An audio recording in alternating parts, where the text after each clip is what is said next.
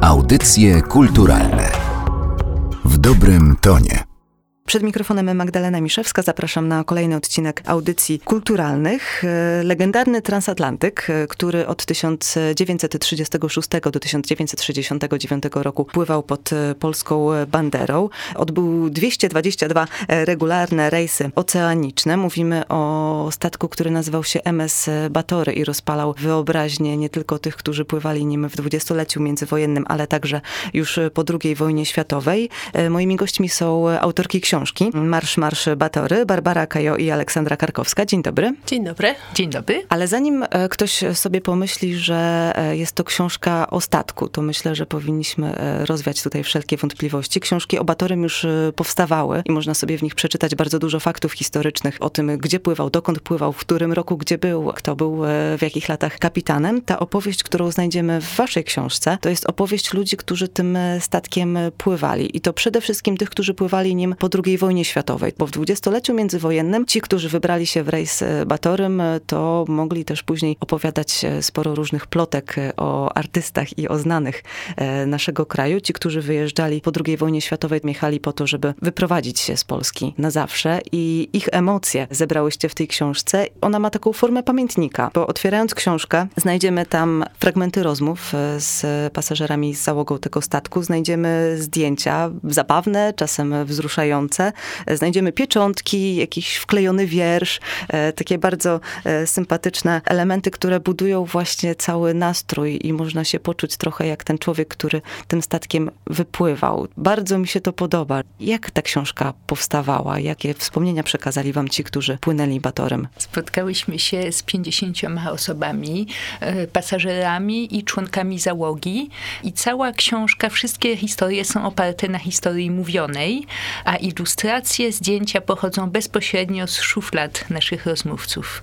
Do tej pory zwykle nigdy nie publikowane. Natomiast ja bym chciała też e, sprostować to, co pani powiedziała, bo Batory, tak samo jak MS Piłsudski, zostały wybudowane właśnie po to, ponieważ była cały czas ta fala emigracji duża. I tam były dwie klasy i oczywiście pływali ludzie turystycznie, jak nasza bohaterka, z którą rozmawiałyśmy, pani Janina Koszarska, która płynęła, żeby zobaczyć pawilon polski na wystawie światowej w Nowym Jorku.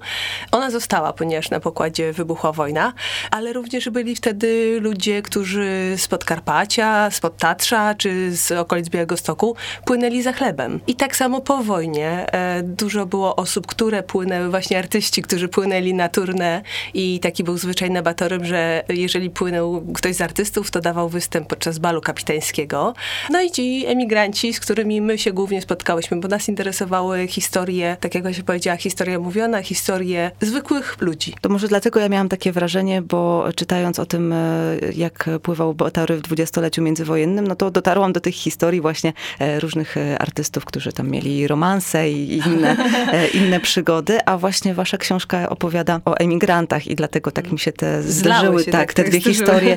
Po prostu ci emigranci w dwudziestoleciu międzywojennym, gdzieś ich historie utonęły trochę pod utonęły. tymi historiami no My, nam się nie udało niestety dotrzeć.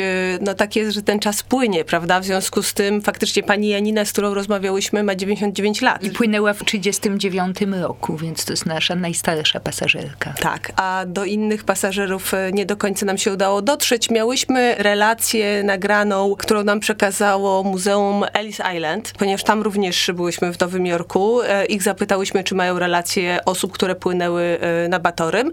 I był to chłopiec żydowskiego pochodzenia, który jako dziesięcioletni wypłynął w 1937 roku. To była rodzina, która mieszkała na Podhalu. Ojciec był mleczarzem i postanowili, że będą poszczególne osoby, członkowie rodziny będą wyjeżdżać, ponieważ nie stać było ich na bilet dla wszystkich naraz. Tej historii nie dołączyłyśmy, ponieważ nie spotkałyśmy się z panem. Niestety pan nie żyje, ale miałyśmy udostępnione archiwa Muzeum Ellis Island z Nowego Jorku. I skoro już e, padło to słowo podhale, to muszą się też pojawić górale i w książce pojawiają się takie słowa, że jak batory, to górale też musieli na nim być. E, górale bardzo często e, wyjeżdżali właśnie za chlebem do Ameryki i są tutaj zdjęcia, bardzo fajne zdjęcie pana w kompletnym stroju góralskim z najsłynniejszym Indianinem polskim Sad Ochem też w pełnym e, rysztunku. Górale oczywiście wyjeżdżali nawet w XIX wieku już za chlebem, ale też wyjeżdżali na turny i nam się właśnie udało rozmawiać z członkami zespołu Klimka Bachledy, którzy wszyscy płynęli wtedy i bardzo barwne mieli oczywiście ubrania i fotografie piękne i właśnie taka jedna bardzo symboliczna, tak jak pani wspominała, to jest pan Józef Pitoń z Satrokiem Indianinem, który był mechanikiem na pokładzie, ale bardzo lubił się ubierać w strój galowy, czyli w pióropusz, więc to były takie konfrontacje zabawne i bardzo dużo kontrastów było na Batorym. I chyba też tak było, że to górale właśnie zawiedli was do historii tego statku, prawda? Bo to od nich się zaczęło. No między innymi oni właśnie, ponieważ kiedy pracowałyśmy nad książką Na Giewont się patrzy, historię właśnie najstarszych górali, to wtedy, kiedy odwiedzałyśmy tych ludzi, to się okazywało, że każdy ma kogoś w Ameryce i później pojechałyśmy z Basią do Nowego Jorku, do Chicago, spotkać się z tymi ludźmi i pokazać im właśnie na Giewont się patrzy. Więc wtedy mieliśmy zdarzenie z tymi emigrantami, tak? No i tak nas tam zaprowadzili. Tak, też w Muzeum Taczańskim znalazłyśmy e, dokumenty zaślubin różnych wsi e, z Podhala z morzem, prawda, w latach dwudziestych i wtedy sobie uświadomiłyśmy, jakie ważny był ten, e, te pierwsze transatlantyki budowane jako ambasadorowie tej polskiej kultury, więc też te dokumenty nas tak... Zainspirowały. Dokładnie.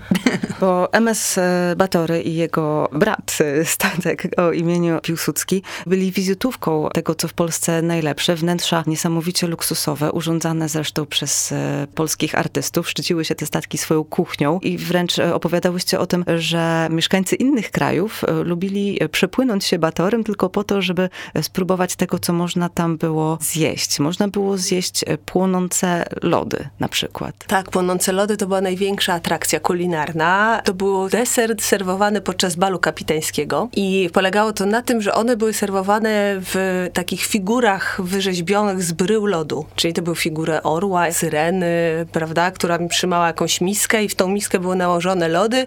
One były podpalane spirytusem i podpalone, więc gaszono wtedy światła i rzędem wchodzili kelnerzy z tymi latarniami. Ten płomień ma taki kolor błękitny, w związku z tym to wyglądało przecudnie i wszyscy na to czekali. Tak, były nazywane lody ala bomba, lody Kilimandżaro. Alaska? Tak, też Alaska. tak, no ale w ogóle ta kuchnia była, oczywiście y, tam dogadzali sobie, więc musimy pamiętać też o tym, że kiedy w Polsce wtedy były te, jak się puste haki, prawda, w sklepie mięsnym czy ocet na półkach, a wchodzili ludzie tam i był ten zapach pomarańczy, bo były pomarańcze, w ogóle cytrusy, były banany jako no, egzotyczne owoce. Poza tym sama obfitość tych posiłków, tak, to, że były przystawki, zimny bufet, który był non-stop otwarty, było pięć posiłków dziennie, można było sobie wybierać, czyli jak był ten obiad serwowany, to też były przynajmniej dwie zupy do wyboru. Jeżeli ktoś miał specjalną dietę, to był proszony o zgłoszenie się do stewarda i przekazanie informacji, więc wtedy też im dogadzano. Także mi się wydaje, że to, no oprócz tego, że to była faktycznie egzotyka, bo były mhm. i kuropatwy, i przepiórki, i bażanty pieczone, i indyki pieczone, więc... E, tak, i e, też często na przykład ta kategoria ludzi, która płynęła do pracy e, naprawdę za chlebem, no to wywodzili się z bardzo biednych, jeszcze na przykład drewnianych, malutkich chałupinek i po raz pierwszy w ogóle widzieli to jedzenie. Jeszcze w domu to jedli z jednej miski w latach 50. Wsiadali na Batorego i tak jak nam jeden pan mówił, ja nie wiedziałem co jeść, co to jest i jak to jeść. W ogóle pierwszy raz widzieli takie potrawy i mówiły, to było takie wspaniałe, bo były dary morza, czyli owoce morza. Trudne do pomyślenia, że jest się w Polsce, wsiada się na polski statek i to zupełnie jakby się było już w tej wyśnionej Ameryce, co potem się okazało, że wcale tak życie tych e, emigrantów e, nie wyglądało jak na tym statku. Rejs trwał od 8 do 11 dni chyba, czyli dosyć krótko, ale jednak po latach ludzie cały czas to świetnie pamiętają. I może wie pani, nam się wydać to krótkie, ale chyba jak się jest na środku Atlantyku i huśta to 8-11 dni, to nie jest krótko. No dobrze, bo my tu rozmawiamy o wspaniałościach Batorego, a przecież faktycznie, jeżeli pogoda była słaba, to przez cały ten rejs można było się bać o swoje życie. I takie wspomnienia w książce też e, znajdziemy, no bo statek chociaż w porcie robił e, wrażenie, był niesamowicie wielki, no to na oceanie zamieniał się w łupinkę, tak, tak. wspominają pasażerowie. Jak to właśnie mówił pan Józef, mówi w porcie był wielki jak pół Giewontu, a na morzu to łupinka i trzepotało nią bezlitośnie. I faktycznie, ja myślę, że naprawdę te wspomnienia są bardzo żywe, bo ten rejs y, zapamiętali ci ludzie. No tak pamiętamy zwykle to, co budzi w nas tak największe emocje i bez względu na to, czy płynęli jako dorosła osoba, czy jako dziecko, to nie była taka rutyna, prawda, że się pływało statkiem co roku na wakacje. W związku z tym to było wyjątkowe. Sama podróż tym statkiem. Dwa, właśnie ten luksus, ta kuchnia, to jak oni mówili, że dbali tak o człowieka, że nigdy tak o nas nie będą nigdzie dbali, bo faktycznie pomyślimy, że było 700-750 pasażerów i do tego było 350 osób załogi, z czego prawie 300 to byli stewardzi, kucharze, tak, którzy obsługiwali, usługiwali, no więc no to można było zadbać o każdego. Zadbać o każdego, mm -hmm. tak? E, więc to, a trzy to jednak jest ta kwestia, że jadą, no muszą się pożegnać ze swoim życiem tu, w Polsce i jadą do tej ziemi obiecanej, tak? Więc e, to tak. były naprawdę silne emocje. No i nie wiedzieli, co ich czeka. Zamykali drzwi na klucz, często albo likwidowali całkowicie domy, albo prosili sąsiadów, żeby doglądali, ale tak naprawdę wiedzieli, czuli, że pewnie nie wrócą, więc się pakowali. Brali często no, niewiele, albo tak mówili, nie mieliśmy nic, ale braliśmy jednak to, co mieliśmy.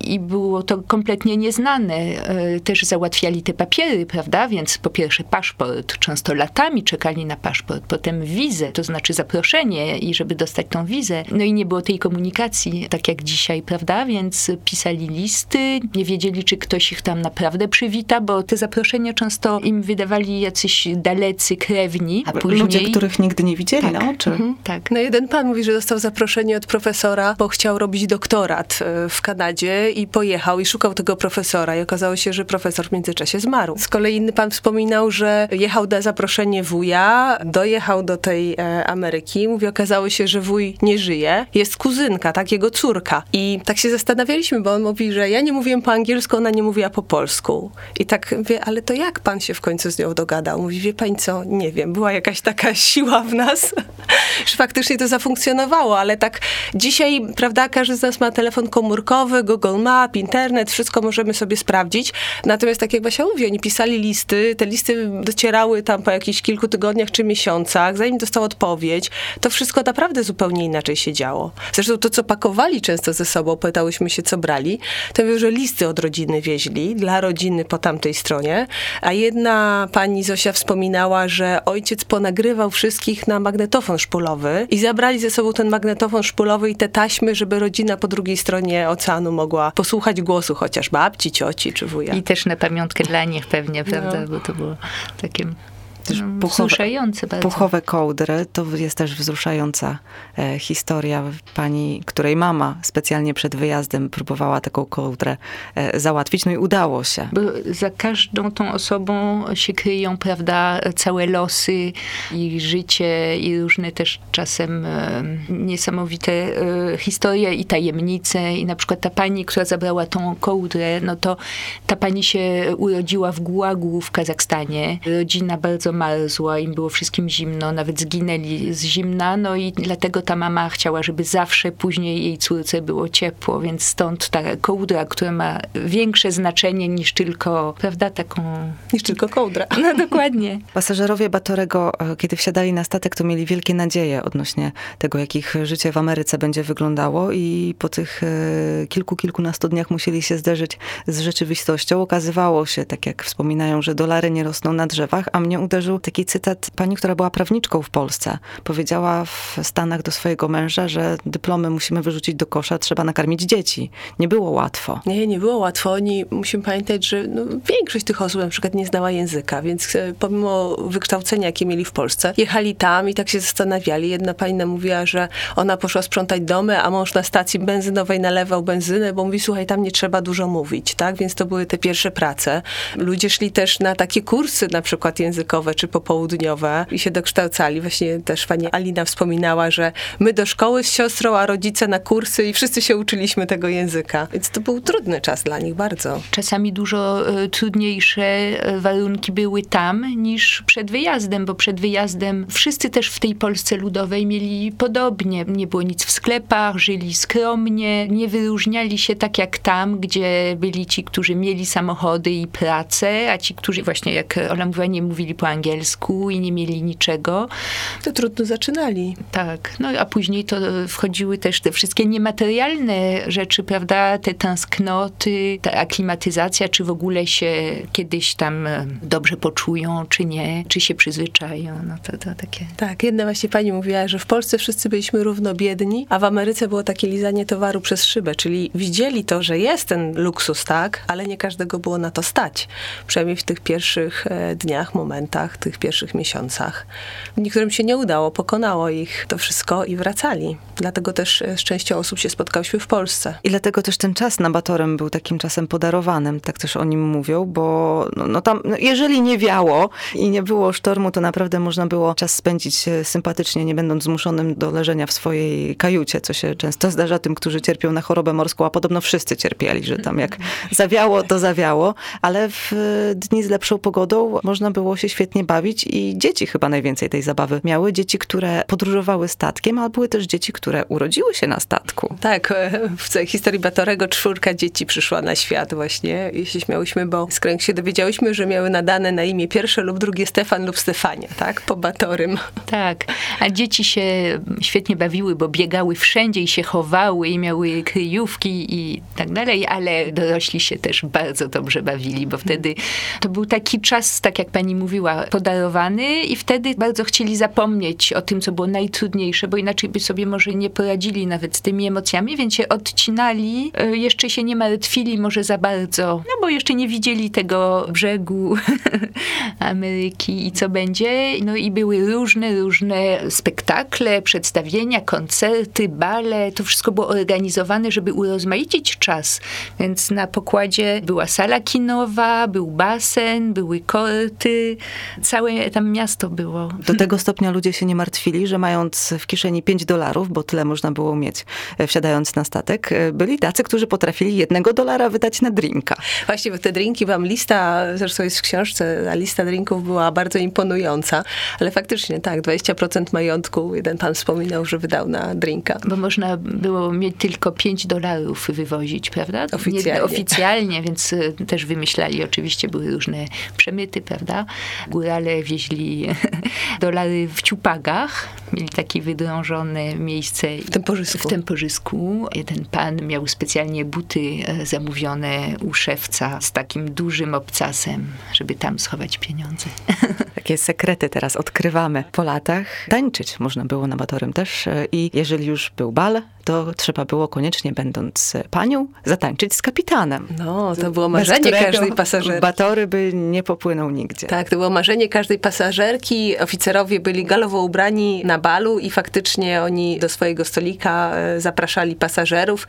No i ten taki, prawda, nadzwyczajny stolik to był zawsze stolik kapitański, czyli ten, gdzie kapitan siedział. Kiedyś były wybory Miss Batorego, więc się odbywały na pokładzie. To wtedy wszystkie panie, e, ale zawsze się ładnie ubierały i starały się tą jedną sukienkę, nawet jak nie miały dużo, to po prostu zabierały, żeby na tym Batorym e, ładnie wyglądać.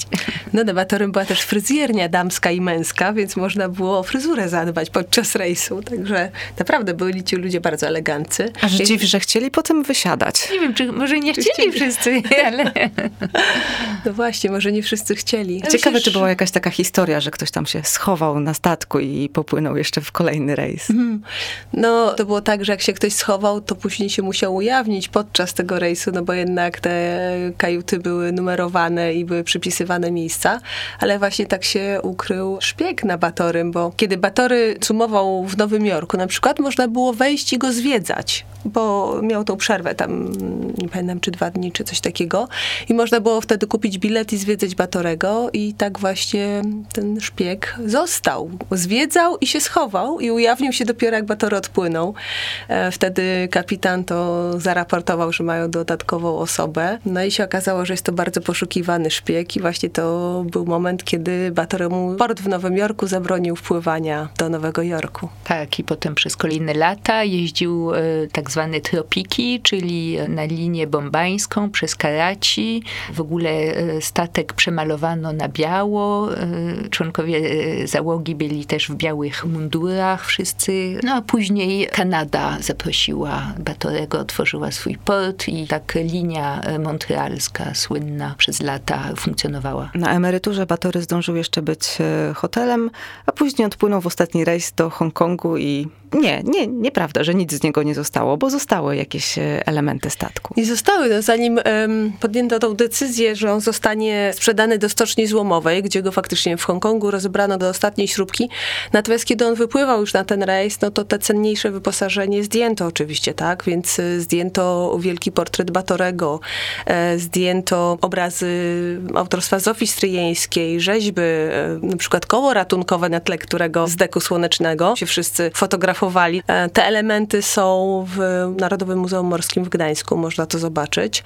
No część mebli też, prawda, takie rzeczy ruchome można było zdjąć. Tak, był słynny bar Lido, który podobno został rozebrany właśnie w Hongkongu i zmontowany w jakimś barze gdzieś w mieście i chyba już nie istnieje, bo próbowałyśmy się dowiedzieć nawet przez osoby, które mieszkają w Hongkongu. No to były jednak lata 70. No ale to mówią też, że został rozebrany i potem e, użyte, cała ta stal była wspaniała, więc na żyletki, ale pewnie też, e, żeby budować e, te wieże, na przykład w Hongkongu. No to może gdzieś tam jeszcze jakiś fragment Batorego bije w którymś z budynków. Marsz Marsz Batory to jest książka, jest też zeszyt, B jak e, Batory. A w zeszycie co znajdziemy? W zeszycie zupełnie inne historie. W zeszycie są inne historie, bo tak naprawdę zeszyt powstał przed książką, ponieważ kiedy rozmawiałyśmy ze znajomymi, mówiliśmy, że tworzymy tą książkę, to wszyscy właśnie pytali się, a kiedy ten Batory pływał, a jaki był duży, a co tam się działo, a kiedy te Indie, kiedy Stany i tak dalej. Czyli jednak te fakty też Czyli są te ważne. fakty są ważne. Dlatego postanowiłyśmy zebrać wszystkie fakty i ująć je właśnie w takiej publikacji B jak Batory.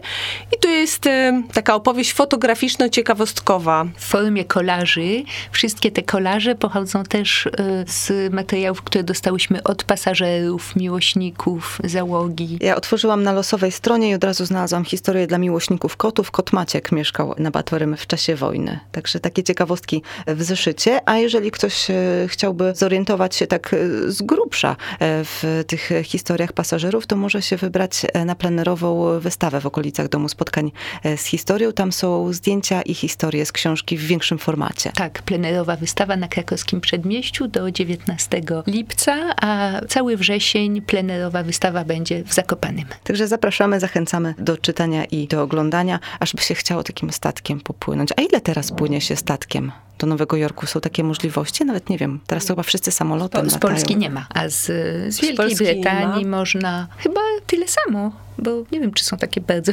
szybkie dzisiaj te transatlantyki. Nie wiem, miałyśmy taki z Basią pomysł na początku, żeby tą książkę pisać właśnie na pokładzie. Ale trochę się poddałyśmy poszukując tych rozwiązań różnych. Więc stwierdziłyśmy, że może jednak napiszemy ją na lądzie, żeby nas nie bujało za bardzo. No właśnie chciałam powiedzieć, że gdybyście spotkały takie fale, które są tutaj na zdjęciach do obejrzenia, bardzo dramatycznie to momentami wygląda, to z książki mogłoby nic nie powstać. Tak, i też dostałyśmy chyba dosyć emocji w postaci tych wszystkich wspomnień, żeby to naprawdę przeżywać, e, pracując nad projektem. Także zachęcam jeszcze raz do przeczytania. Naprawdę to jest bardzo ważne. Nie tylko, żeby wiedzieć, w którym roku Batory powstał, ale też, że pachniał pomarańczami i amerykańskimi papierosami. Dziękuję bardzo. Dziękujemy. Dziękujemy. Audycje kulturalne w dobrym tonie.